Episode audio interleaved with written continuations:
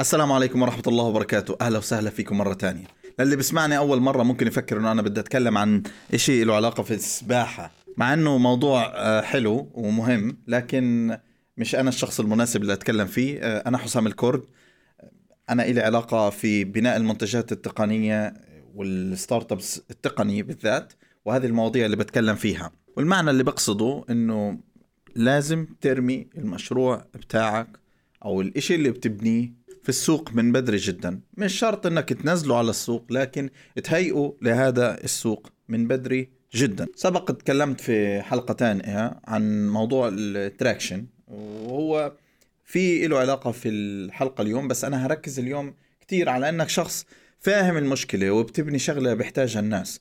بس حاجة الناس مش كل إشي في إنك تبني عمل تجاري ناجح. وهذا اللي هتكلم عنه اليوم. خمس أسباب لترمي ابنك مبكرا في الماء. أنا حسام الكرد وهذه خبرة عمل بودكاست جديد.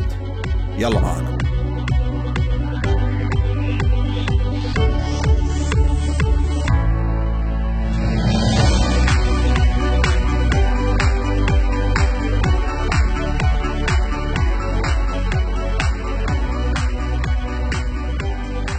انت ممكن تبني وفاهم مشكلة كتير كويس وإنه الناس عايزاها لكن بالآخر ما تكونش بتأدي إلى نتيجة كمشروع تجاري بالنهاية.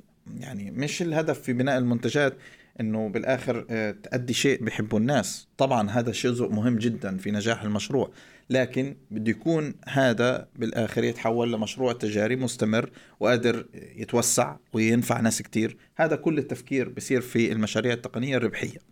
ففي أسباب كتيرة لازم تفكر فيها وتاخدها في عين الاعتبار من الأول لما تبني أي شيء بحيث إنه مش بس نقطة إنه الناس عايزين هذا الإشي كافية تحسب حساب النقاط هذه. وهذه النقاط بأكد عليها جابرييل واينبرغ اللي هو مؤسس آه، محرك البحث.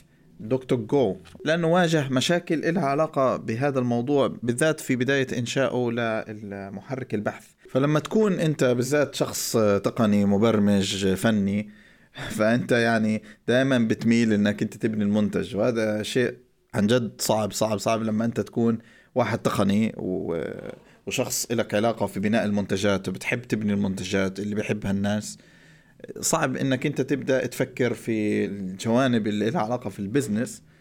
وهي شغلة أنا مريت فيها. أنا شخص لما بديت حياتي كنت مبرمج وتقني وكنت ببني منتجات وبفكر فيها من مبدأ فني أكثر من أي شيء آخر.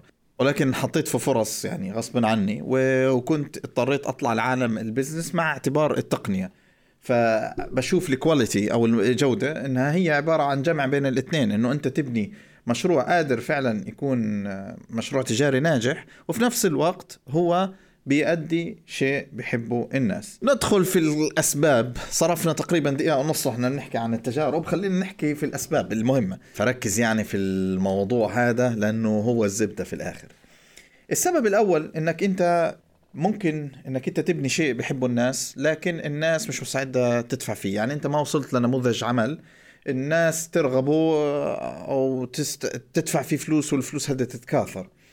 فبالتالي أنت مش قادر تكبر بالنهاية. يعني بالآخر أنت مقدم خدمة الناس مثلا ممكن تستخدمها مجانيا أو بسعر قليل جدا والسعر هذا مش كفيك أصلا إنك أنت تصل فيه آه، إنك تسدد تكاليفك. ففي هذه الحالة ممكن ببساطة تركب الزحليقة. يعني من الآخر إنك أنت تصير كل ما تنمو تنزل تنزل لحد ما أنت ما تقدرش تدعم النمو هذا. أتذكر آه، قابلت مجموعة من التطبيقات آه، مرت علي بالشكل هذا. في تطبيق أنا مش فاكر اسمه بس كان بي track ال sound. يعني بي لو رحت أنت مثلا شغلت موسيقى أو أغنية بيتعرف على الموسيقى هذه أو الأغنية من خلال إنه يسمعها. آه، أعتقد إنه صار له يعني إنقاذ هذا التطبيق حسب ما أنا سمعت. بس هو واجه مشكلات كتيرة لأنه آه، صار له نمو كبير وهو مش قادر إنه يستفيد من المستخدمين آه، بتاعينه. وهذه أكيد في تطبيقات كتيرة يعني لو بتعرفوا منها يا ريت تكتبوها في التعليقات أو تذكروها يعني علشان يستفيدوا منها الناس.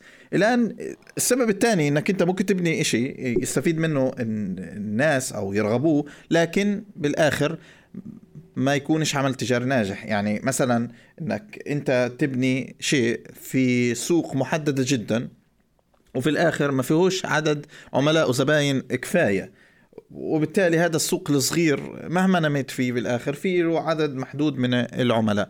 مرات كثير بتسمع نصائح بالذات في التجارة الإلكترونية إنه خليك في في سوق محدد جدا. أنت ممكن تصل لسوق محدد جدا ما تلاقيش فيه عملاء كافيين لإلك. وأنا شخصيا مريت في تجارب زي هذه إنه أنا بنيت منتجات بالذات في العالم العربي لمناطق مخصصة جدا وما كانش فيها عملاء كافيين يعني. آه، ف ف ف فأنت بدك تفكر في نقطة العملاء كمان إنه يكون حجمهم كافي لل... للشيء اللي أنت بتبنيه.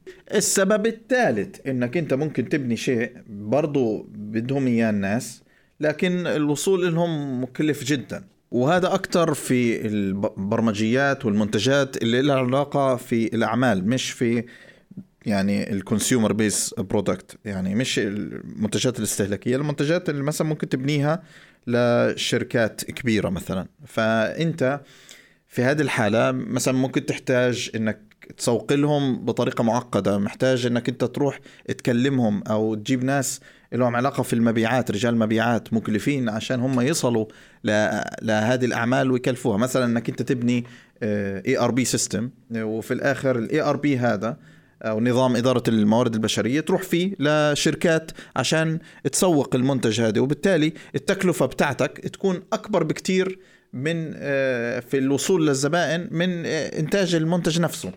وبرضه مر علي حالات من ناس يعني كانوا بيبنوا منتجات لها علاقة بالذات في نظام إدارة الموارد البشرية لأنه تكلفة البناء مكلفة جدا والعملاء الوصول لهم مش سهل. يعني أنت عشان تبني صفقة مع عميل آه، أنت هتروح لبزنس متخصص وتحكي معاه وهذا أمر ما كان رخيص أبدا.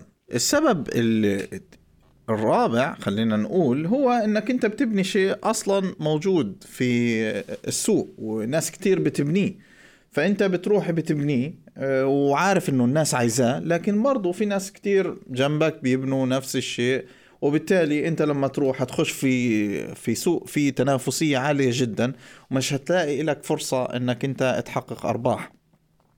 وهذا بالذات لما تيجي انت إيش تصرف وقت كتير في بناء المنتج وتلاقي أوب في ناس طبوا في ال في ال في نفس اللي انت بتعمله. علشان هيك يعني علاقتك مهمة جدا إنك انت تكون بنيها من الأول في فهم هذا السوق وإنك انت تبني المنتج بناء على السوق.